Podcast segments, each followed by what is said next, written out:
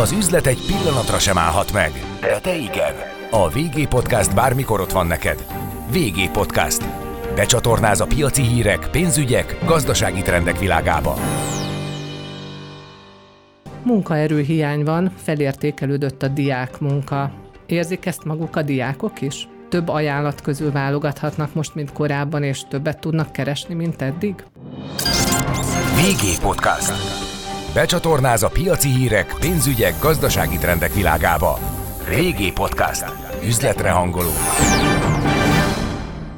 Üdvözlöm a VG Podcast hallgatóit, én Sándor Tünde vagyok, a világgazdaság újságírója, vendégem pedig Majzik Nándor, a Melódiák cég vezetője. Üdvözöllek Nándor a stúdióban. Szia Tünde, köszönöm a meghívást, üdvözlöm a hallgatókat én is. Kezdjük egy kicsit a KH-nál. Mi az aktuális szabály? Hány éves kortól vállalhat egy diák munkát, és milyen időtartamban? Úgy működik jelenleg a szabályozás, hogy az iskola szövetkezeti foglalkoztatás keretében aktív nappali tagozatos hallgatók tudnak dolgozni, illetve a passzív nappali tagozatosok, de ott már megjelenik egy életkorbeli korlát, ez a 25 éves kornak a betöltése, és fontos, hogy az SZIA mentességgel ellentétben ez a 25. életév betöltésének a napja. Hogy az SZIA mentességnél ott az a hónap, még egyébként a jogosultságnak a hónapja, amikor betölti a diák 25. életévét, viszont itt nem így van. Tehát a passzívosok Másoknál ott az a nap, amikor betölti, a, a, attól a naptól kezdve már nem fog tudni dolgozni. Egyébként pedig az életkorbeli korlátozások úgy néznek ki, hogy 15 éves korban tudnak leghamarabb dolgozni a diákok. Attól a naptól kezdve, amikor a így 15. Van, így van, pontosan. Amikor betöltik, attól a naptól kezdve tudnak dolgozni. Nagyon fontos, hogy a 15-16-17 évesek viszont még csak a szülő hozzájárulása mellett tudják ezt megtenni. És a 15 éveseknél van még egy extra szabály is egyébként, az pedig az, hogy ők csak az iskolai tanszünetek ideje alatt tudnak dolgozni. Éppen ezt akartam kérdezni, hogyha mondjuk egy januári-februári születésnap után már munkába állhat, de ezek szerint nem. nem a 15 éves. A 15 éves nem, viszont a 16-17 éves már igen. Meg hát érdekességképp szoktuk megemlíteni, hogy ettől függetlenül egyébként van néhány olyan speciális terület, ilyen például a gyerekszínész, vagy reklámforgatás, akik egyébként 15 éves kor alatt is dolgozhatnak, de ez csak néhány az MT-ben, MT-ben nevesített ilyen speciális munkakör, ott viszont nem csak a szülői, hanem még gyámhatósági hozzájárulásra is szükség van. És akkor gyakorlatilag azzal, hogy 15 éves kortól 25 éves koráig valaki adómentesen dolgozhat, így a bruttója lesz a nettó keresete. Igen, ez, ez gyakorlatilag így van, ugye a KSH-nak az előző évi júliusi átlagbér mértékéig, ugye így fogalmaz a, a jogszabály ezzel kapcsolatosan, addig egyébként SZIA mentes a jövedelem. Hát azért azt látni kell, hogy ez a diákok túlnyomó többségénél ez azért általában így van, hiszen ők nem teljes munkaidőben dolgoznak. Mert tehát... me- mekkora ez az összeg, ami a mérvadó? Ez most jelenleg 443.700 forint bruttóban, ez nyilván a következő ö, év január 1-től emelkedni fog, hiszen a majd a mostani júliusi ö, minim, pontosabban KSH átlagbér adatot kell majd figyelembe venni, ezt meghatározza majd a KSH, és utána ez lesz majd a, a következő évi, viszont jelenleg ez 443.700 forint. Van-e arról valamilyen felmérés, hogy mennyien keresnek ennyi pénzt havonta, hogy mennyien tudják ezt kimaxolni, úgymond?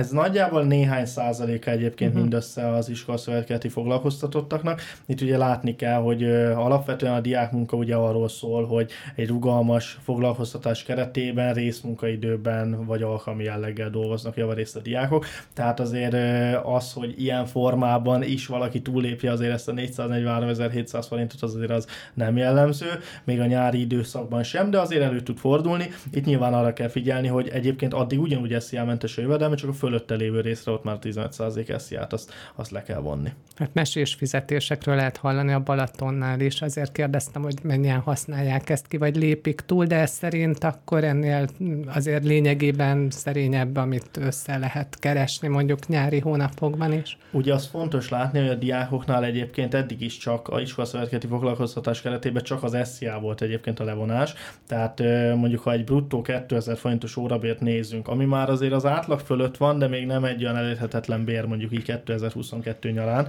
ott is, ha akár 200 órát is ledolgozik egy hónapban, akkor még mindig csak 400 ezer forintnál jár. Tehát ezért van ez egyébként, hogy ez keveseket érint, mert ehhez azért sokat is kell dolgozni, meg ez inkább azokat, akik úgy dolgoznak sokat, hogy azért ilyen 2500-3000-es órabérben vannak, az meg azért nem sok, ezek ugye az IT-s munkakörök leginkább.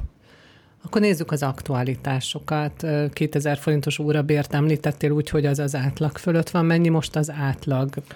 úgy ö, szoktuk ezt nézni, hogy azért elkülönülnek az országnak a különböző részei. Hát Budapest az vezet természetesen. Általában egyébként azok a trendek, amik jellemzőek a úgymond a nagy munkaerőpiacon, azok végeredményben a diák munkaerőpiacon is jellemzőek, jellemzőek. Ennek az az oka egyébként, hogy azok a cégek, akik munkát adnak amúgy a diák munkásoknak, azok jellemzően rendes versenypiaci cégek, ahol ugyanúgy ö, részt vesznek rendes főállású dolgozók, illetve dolgoznak. Tehát nem, nem egy elkülönült terület ez, hanem a, a gazdaságnak egy, egy beépült szövete. Ennek megfelelően azok a hatások, azok itt is érvényesülni szoktak. Most úgy néznek ki az órabérek egyébként, hogy 1600-1700 forintos. Ö, én még azért megszokásban mindig hozzáteszem, hogy bruttó órabérek a jellemzők, de most már valóban idén ez a legtöbb esetben egyenlő a nettóval Budapesten, illetve a kiemeltebb régiókban. Tehát például ide tartozik nyáron a Balaton, ide tartozik egész évben nagyjából az Észak-Dunántúli régió, és ettől amúgy 100-200-300 forinttal azért elmaradnak mondjuk a Dél-Dunántúli, illetve a kelet-magyarországi bérek. Tehát nagyjából ez a megoszlás, és ezek, a, ezek az általános ö, bérek, ezeket lehet keresni a, a legtöbb munkán, illetve az olyan munkáknál, ami nem igényel olyan óriási, speciális betanulást. Nagy a különbség a fizikai munka és a szellemi munkadíjazása között?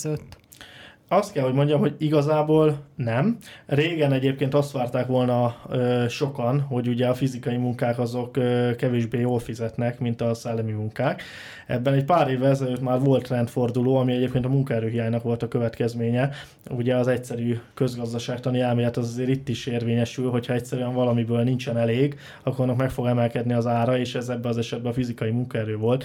Ha egész egyszerűen nem tudnak még cégek mondjuk olyan ütemben robotizálni, automatizálni, vagy mondjuk annak túlságosan nagy lenne a beruházás igénye, és ezért mondjuk munkaerőigényes tevékenységeket folytatnak, akkor, hogyha szükség van emberre, nincs elég, akkor kénytelenek voltak megemelni a béreket, ezért most már az a helyzet állt elő, hogy nagyjából a fizikai meg a szellemi munka is ugyanannyit fizet lehet hallani országokról, vagy országrészekről is, ahol mondjuk a termés a fán marad, vagy a földeken, hogy a mezőgazdasági munka, mint mondod, ugyanannyit fizet már egy fizikai munka, mint a szellemi munka. Lehet rá találni embert, vagy, vagy, vagy kevésbé népszerű, azért inkább igyekeznek valami kulturáltabb, könnyebb munkát találni, ha van ilyen. Itt azt kell látni, hogy itt szintén nagyon nagy különbség van az országrészek között. Ugye Budapesten nagyon sokféle munkalehetőség van, viszont egyféle abszolút nincsen, az a mezőgazdasági munka, hiszen ugye azért Igen. ezt könnyű elképzelni, hogy mondjuk a budapesti Logikus. kerületekben ez nem, nem, nem a fő húzóágazat.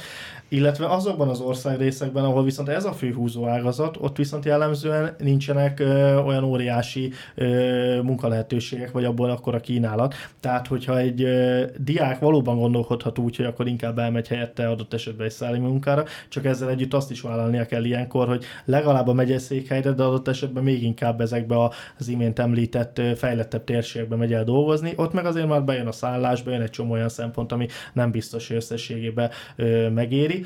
Ezért a mezőgazdasági munkáknál is az van például, hogy mondjuk a keleti ország részekben azért alacsonyabbak a bérek, mint mondjuk a nyugati ország részekben lévő mezőgazdasági Mennyivel? munkákon. Mennyi hát a, a keleti ország részekben, főleg Szabolcs megyében, Hajdú megyében, Nógrád megyében, ott azért előfordulnak a minimálbér környéki kifizetések. Itt azért azt is látni kell, hogy előfordulhatnak olyan esetek, ugye minél inkább esetleg elmaradottabb régióról beszélünk, annál inkább kell adott esetben ö, a szürke gazdasággal, vagy akár a fekete gazdasággal is versenyezni, és az még nyilvánvalóan hát annál olcsóbb egyébként természetesen nincsen feltéve, hogy ugye nem kapnak érte büntetést.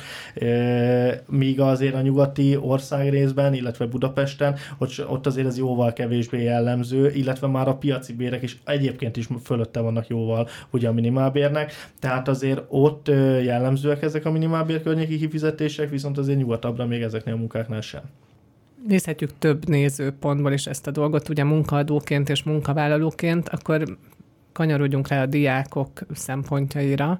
Aki most munkát keres, az elsősorban miből válogathat? Van még most így júliusban olyan munka, ami nincs betöltve, vagy már leszerződtetek a cégekkel egész nyára, ami valóban, a főszezon? Valóban jól mondod egyébként, hogy több szempontból lehet nézni, hiszen ugye ez egy háromoldalú jogviszony, tehát ugye részese a diák, részese az iskola szövetkezet, meg részese úgymond jogilag a szolgáltatás fogadója, ahol ténylegesen dolgozik a, a diák, és azért itt különféle szempontok előkerülhetnek. A diákoknál azt kell látni, hogy Hát mindig azt mondtuk el egyébként általában május, júniusban, áprilisban, hogy, hogy azért jelentkezni kell időben, mert ugye a legjobb munkák azok, azok elkelnek, illetve betelnek. Most azért ez idén is igaz alapvetően, viszont korábbi években nem szembesültünk akkor a munkaerőhiányjal, még nyáron is, azért most már július derekán alapvetően azt kellene tudnom elmondani, hogy azért már alapvetően beteltek a helyek, illetve a, a, a legtöbb helyre hát fel kellett már állni a nyári stábnak, hiszen hát már bőven benne vagyunk a nyárban, de ennek ellenére azért nagyon sok helyen az látszik, hogy persze elindult, persze felállt egy stáb, de nem akkor a létszámmal, vagy nem elegendő létszámmal, ezért még mindig van toborzás nagyon sok helyre. Nagy a fluktuáció a diákok körében? Nagyobb, mint mondjuk a felnőtt munkavállalók között? Én azt gondolom, hogy egyébként igen, itt nyilván a, a szezonális igényeket, tehát most, hogyha a nyári munkáról beszélgetünk, akkor ott alapvetően az a cél mondjuk, hogy az szezonra meglegyen a munkaerő, és azon belül ne nagyon, ne nagyon legyen fluktuáció. Itt azért azt látni, hogy a fluktuációt ezt úgy értjük egy kicsit a, a diák munkában, hogy általában egy ilyen pult képzünk egyébként a, a nagyobb létszámot igénylő munkákra, ami annyit jelent, hogy mondjuk ha 10 ember kell valahova fixen egy nap, akkor azért arra nem 10 embert veszünk fel, hanem többet, és ők folyamatosan rotációba dolgoznak, hiszen azért kell nekik szabad nap, még nyáron is, illetve nem feltétlen tudnak minden napot. Ha valaki lebetegszik, valakit be kell állítani a helyére. Tehát itt ez szokott egyébként a legjobb megoldás lenni, hogy egy valamivel nagyobb létszám legyen, és akkor ők forgatják egymást. Legjobb munkákat emlegettél, mik a legjobb munkák, mi, mi a legnépszerűbb?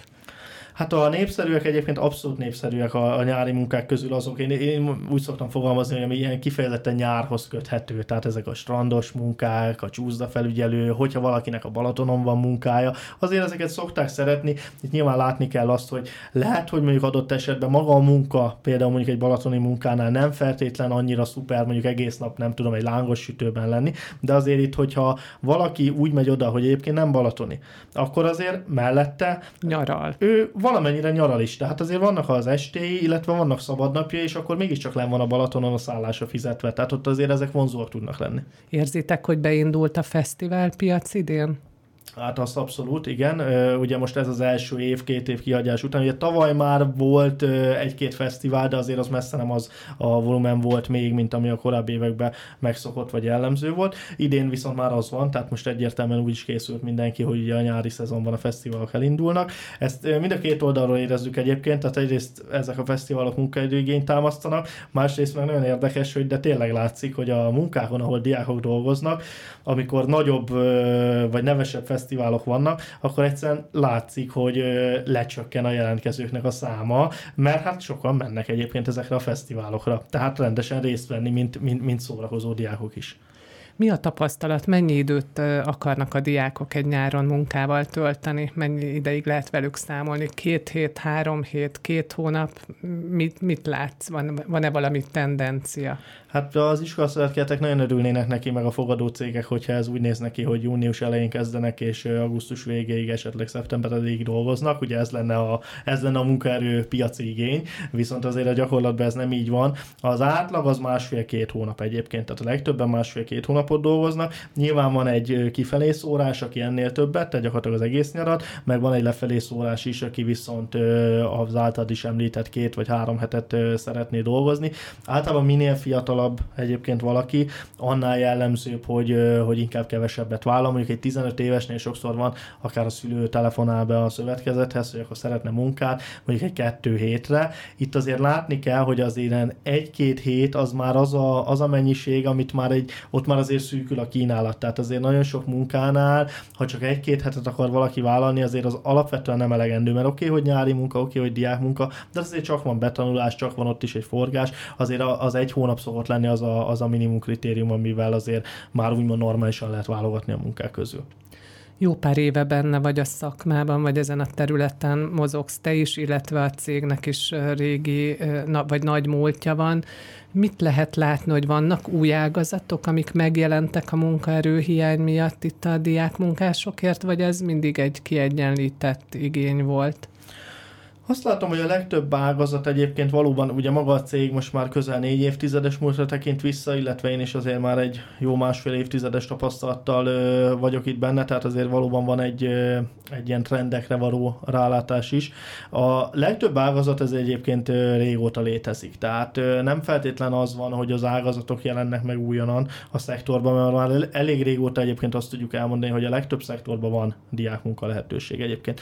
Az, hogy nyári munka lehetőség hol van, van, az ugye egy külön kategória, mert nyilván villamosmérnök gyakornok az mondjuk 2-3 hétre az nem nagyon szokott általában működni, mert az egy sokkal komplexebb, már a betanulás, a, a, az, hogy valóban ő hozzáadott értéket termelő munkát tudjon végezni, az általában több hét hónapnyi betanulás. Tehát ezek a munkák, ezek akkor működnek, hogyha mondjuk egész évben végzi valaki. De egyébként úgy, mint diákmunka, az már a legtöbb ágazatban egyébként ö, régóta jelen van.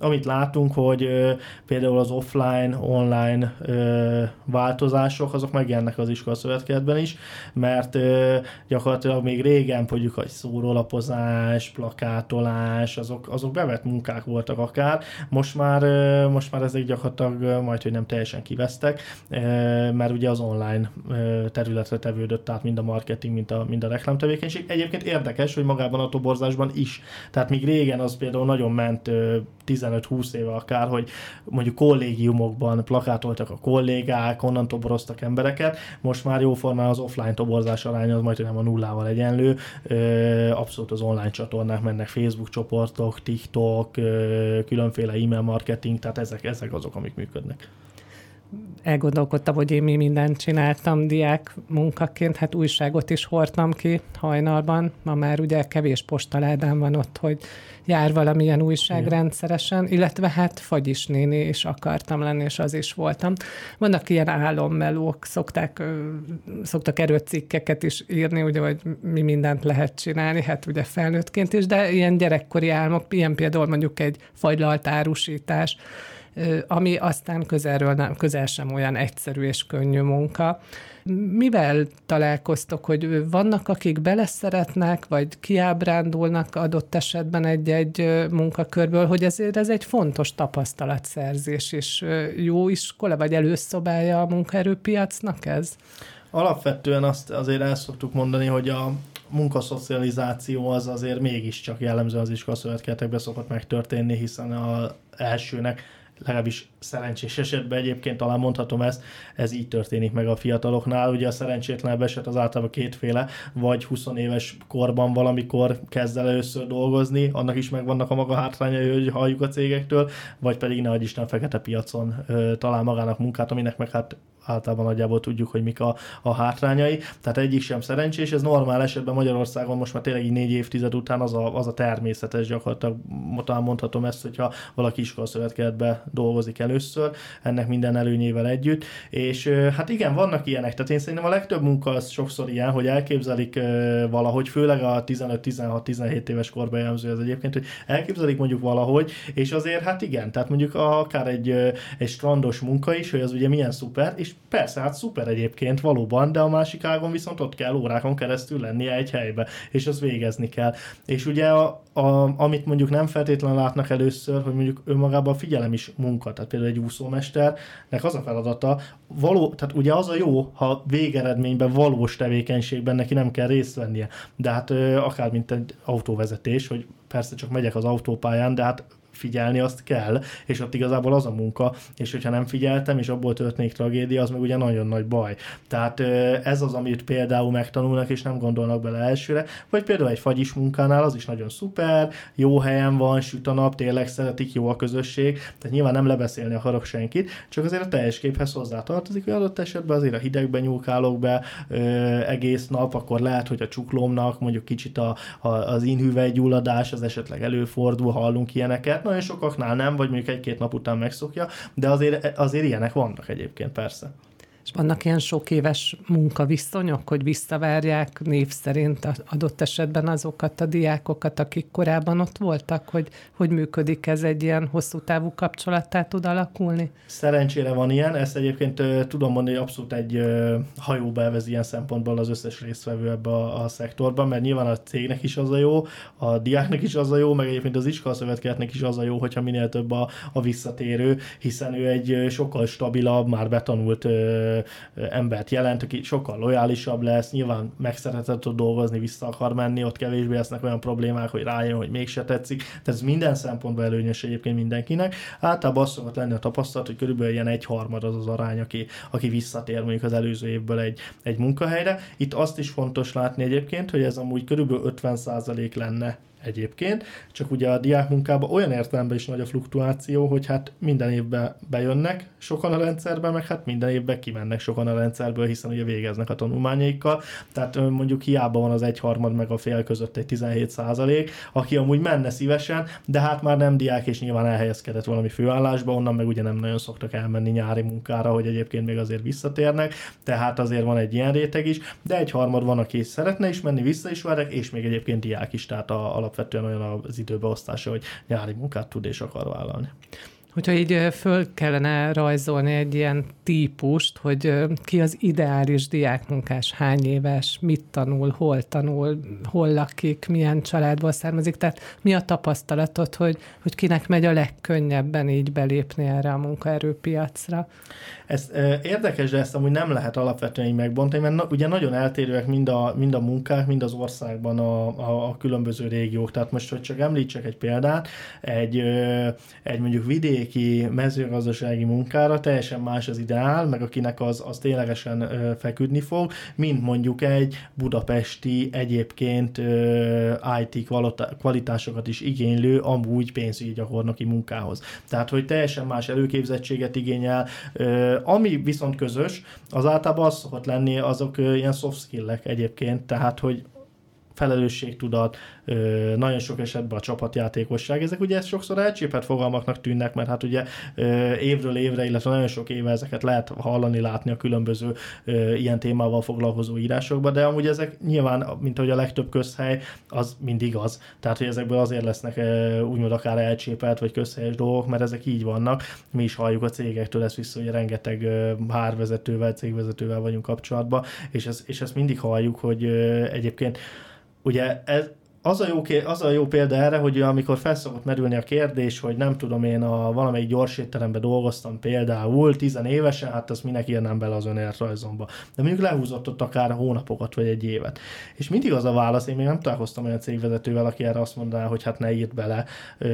Pontosan azért, mert ők ebből azt látják, hogy hát már ott is szerzett egy csomó tapasztalatot. Hát egyszer megvizsgáltuk egyébként ezt ö, konkrétan egyetemmel együttműködve, és ö, például egy gyorséttermi munkánál 22 féle olyan ö, skillt sikerült azonosítani, ami egyébként fejlődik neki a, a munkája során. És ezeknek, ö, és ezek mind olyan skillek, amik nem ahhoz kötődnek, hogy most ö, milyen tanulmányokat folytat, hanem ami, ami úgymond bármilyen munkakörben utána hasznára válik, mert megtanulja az időpontokat, megtanulja, hogy főnöke van, megtanul ö, teljesíteni, megtanulja, hogy kollégái is vannak, másnak is van véleménye, hibázhat is, tehát ezek mind olyan dolgok, amik később, utána akár 20 éves korban, vagy 30-as korban is kifejezetten jól jön, ha már ezzel úgymond nem kell egy munkahelyen neki szembesülnie, illetve a főnökének. Hát komoly személyiségformáló tapasztalat, én is szoktam nézni, hogy hogy mozognak egy ilyen gyors étteremben, főleg csúcsidőben, és akkor éppen meglöki egy picit a másikat, hogy reagál, tehát hatalmas feszültséggel teli időszakok is vannak és hát nyilván ott lehet jól keresni, ahol nagy a forgalom, nagy a bevétel, nagy a pörgés, sürgés, forgás. Mi a tapasztalat? Mennyien ragadnak meg térre? Azért vannak ugye elszállt albérlettárak, megélhetési költségek, megyünk bele egy ilyen dráguló gazdasági környezetbe, Számítasz-e arra, hogy többen fognak például télen munkát vállalni, ősszel télen ilyen zseppénz vagy ön, önellátás kényszere miatt? Én azt gondolom egyébként, hogy igen, az szokott a tapasztalat lenni, hogy pont az ilyen helyzetekben egyébként pont most is láttam én is, hogy pont összesítették egy cikkbe, hogy nőnek az albérletárak, ugye nő, nőtt a diákhitelnek is egyébként a kamata, adott esetben lehet, hogy a szülőknek is kicsit bizonytalanabb lesz a helyzete, ugye infláció van, tehát ezek mind olyan hatások, amik azért afelé tolják, hogy valahogy mégiscsak egy ilyen plusz lábbal próbálja erősíteni a, a saját egzisztenciális biztonságát. Általában egyébként az a tapasztalat számok szerint, hogy kb. 40%-kal nő meg a nyári teljesítés az évközbeni teljesítéshez képest. Ez nagyjából minden évben egyébként így van, most a, nyilván a két covidos évet hagyjuk, mert az ilyen szempontból ugye teljesen nem egy, mérvadó. Abszolút nem mérvadó, tehát az egy teljesen speciális helyzet volt, ez nyilván normál évekre vonatkozik, és az idei is már normál évnek számít újra ilyen szempontból, és újfent. Ez látszik egyébként ez a kb. 40%-os növekedés, ami egyébként azt jelenti, hogy a nyár az kiugró, viszont évközben is sokan dolgoznak már egyébként is. Tehát, hogy nincs, tehát nem kevesen vannak, akik évközben is dolgoztak már eddig is, és én azt gondolom, hogy ez is nőni fog egyébként pont az előbb említett hatásokra. Kik dolgoznak évközben? Középiskola fölötté? Tehát felsőoktatásban dolgozók, vagy már a középiskolások is? nagyon nagy arányban, több mint 80%-ban évközben egyébként a főiskolások, egyetemisták dolgoznak. Hát ugye nekik általában ez jobban összeegyeztethető a tanulmányaikkal, illetve ugye azok a, azok a városok, ahol amúgy az egyetemi főiskolai ö, oktatás jelen van, azok általában olyan centrumok is, ahol maguk a munkalehetőségek is szertágazóbbak, illetve, illetve megengedik azt a típusú munkavégzést, amit egy, egy diák tud vállalni. A középiskolások ők jellemzően nyáron dolgoznak, viszont azért van egy részük, körülbelül az ötödük egyébként, aki évközben is munkát vállal, viszont hát ugye ők sokkal kötöttebbek, tehát ők ugye hétfőtől péntekig jellemzően iskolába ülnek, ott a hétvégi alkalmi munka szokott jellemző lenni, illetve mondjuk áruházláncoknál vannak olyan lehetőségek, hogy mondjuk négy órás műszak délutánra, ott, ott erre van mód, meg hát ugye őket azért a törvény is jobban köti, tehát például éjszakai munkát nem végezhetnek 18 éven aluliak, az összes vasárnapon nem dolgozhatnak a 18 éven aluliak, tehát vannak egyébként is olyan törvényi kötelmek, amik ezt szintén még egy picit jobban korlátozzák. Hát nyilván érthető okokból most alapvetően egy középiskolásnak még az elsődleges feladata értelmszerűen nyilván az, hogy, hogy egyébként tanuljon, illetve ö, még otthon él a családdal, tehát az még egy másik élethelyzet. Az, hogy mondjuk fiatalon dolgozik, az jellemzőbb a szegényebb régiókban, hogyha itt területi különbségeket boncolgatunk? Igen, az a tapasztalat egyébként, hogy igen, mert minél fiatalabb valaki, annál inkább jellemző, hogy ő saját motivációval a pénzért fog elmenni dolgozni. Az egy dolog, hogy egyébként, amit említettem, hogy ez amúgy hasznos később is, tehát akár egy, egy ilyen gyors éttermi munka, de azért egy 15-16 éves diák általában nem azért szokott elmenni dolgozni, mert majd az milyen hasznos lesz neki ugye később. Nyilván, de hát ezt nem is lehet a szemükre vetni, azért még ez nem az a kor, amikor úgymond feltétlen nekik abba kell előre gondolkodni, hogy majd 5, meg 10, meg 20 év mi lesz. Tehát őket a pénz motiválja, tehát nyilván az, hogy elmennek dolgozni, egy hónap múlva fizetést kapnak, és akkor az ott van náluk, az övék, el tud menni belőle fesztiválra, el tud menni belőle telefont venni, vagy, vagy egész egyszerűen ugye a megélhetésére tudja fordítani, meg hát ami még nagyon látszik, hogy a, mondjuk azok, akik végeznek a középiskolával, ott már azért megjelenik a fejükbe az, hogy hát ez így nagyon szuper, csak hát el fog költözni szeptembertől, ugye egy másik városba a legtöbben legalábbis, így vannak ezzel, hogyha egyetemre, főiskolára kerülnek. Magyarul már nem otthon fogok lenni, nem, nem lesz az, hogy mindig mondjuk a családi ö, fészekhez, vagy a családi hűtőhöz tudok nyúlni. Hát persze el lehet hozni még az ételt hétvégéről, de azért ott már úgy jobban megjelenik, hogy egy, egy ilyen önálló valamilyen típusú egzisztenciára szükség van, és hát azért ők ezt jellemzően diákmunkából tudják maguknak felépíteni, nyilván az előbb említett ö, diákhitel, illetve egyéb ö, konstrukciók mellett. Ez nagyon tetszett ez a, a családi hűtőből, vagy ahogy mondtad, hát igen, kikerülnek a mama hotelből Így ilyenkor, van. mert igen. hát kevesebb egyetemi város van, mint ahányan középiskolába itt ott, ott járnak akkor az a tapasztalat, hogy általában szabadon elkölthető ez a jövedelem, amire szert tesznek? Tehát, hogy ez egy ilyen zseppénz, önrendelkezés, ő maga oszthatja be? Nyilván pontos látásunk erre nincs, de hát azért egyrészt az empirikus tapasztalatból, másrészt meg kutatásokból, meg hát azért mégiscsak nap mint nap velük dolgozunk, illetve beszélünk, azért azt mégiscsak tudom egyöntetően állítani, hogy ez azért alapvetően az ő saját célra, saját, célra uh-huh. saját döntésük alapján működik. Tehát nagyjából az szokott lenni, lenni a, ez, ez az általános tendencia, a szemlélet, hogy hát te mentél el, te dolgoztál meg érte, akkor te is döntheted el, hogy mire költöd el. Még akkor is, ha mondjuk adott esetben az első havi fizetését, adj Isten, valamire hirtelen felindulásból elkölti, akkor is ö, az szokott lenni általában a szülői reakció, hogy hát vagy legalább megtanultad, hogy a pénz az nem egy olyan dolog, hogy dolgoztál érte egy hónapig, aztán akkor az bármeddig kitart, hanem azt be kell osztani adott esetben. Tehát igen, tehát hogy akár egy ilyen nevelő célzata is lehet. Egyébként meg azért szerintem sokan magukban néznek, akkor lehet, hogy az életük első fizetése az azért általában még nem a, a nyugdíj előtt akarékosságról szól senkinek. Ez nagyon viccesen mondtad gyakorlatilag. De hát igen, ez egy nagyon-nagyon komoly tapasztalat olyan szempontból, és a, benne van ez az empátia. Egyrészt, hogyha ott betér abba a vendéglőbe vagy a másképp fog a rendeléskor viselkedni, türelmesebb lesz esetleg, ha várni kell illetve hát jobban értékeli a fizetését. Én is emlékszem az első keresetre, hogy megváltozik az embernek a pénzhez való viszonya, nem csak úgy jön, hanem ott van mögötte egy munka. Tehát tanít is sok esetben. Fiúk vagy lányok jellemzőek inkább lelkesebbek, mit tapasztaltok, kik jelentkeznek többen? Ez egyébként alapvetően kiegyenlített, most nem is feltétlenül 50-50 százalék. Lányok talán valamivel többen, főleg az elején egyébként, de ez, ez nem mérvadó különbség. Tehát nagyjából egyébként fele-fele, a, a, ami előfordul. Munkakörönként azért persze jobban lehet látni különbségeket, de hát ez azért annyira nem meglepő. Tehát általában nehéz fizikai munkán mondjuk nem szoktak a lányok többségbe lenni, illetve azért a hostess munkákon is általában inkább lányok vannak, bár nyilván sok fiút is lehet látni például, de mondjuk smink, smink promóciós munkán még nem nagyon láttam egyébként fiúkat, még hogyha egyébként adott esetben lehetnének is. Még lehet ilyen is akár. Hogyan találkozik a kereslet a kínálattal? Gondolok itt arra, hogy ugye munkaerő hiányos időszak van, fokozódik ez. Egyrészt azért is, mert naponta kétszer annyian mennek nyugdíjba, mint ahányan belépnek a munkaerőpiacra, illetve egyéb okok miatt is, de, de hogy lehet-e bármeddig, vagy valameddig még növelni a diákmunkások létszámát vonzóbb fizetésekkel, vagy ez be, beáll ez a szám, ez a, ez a nagyságrend, ez körülbelül állandó évről évre, vagy pedig többen dolgoznak most, mint korábban?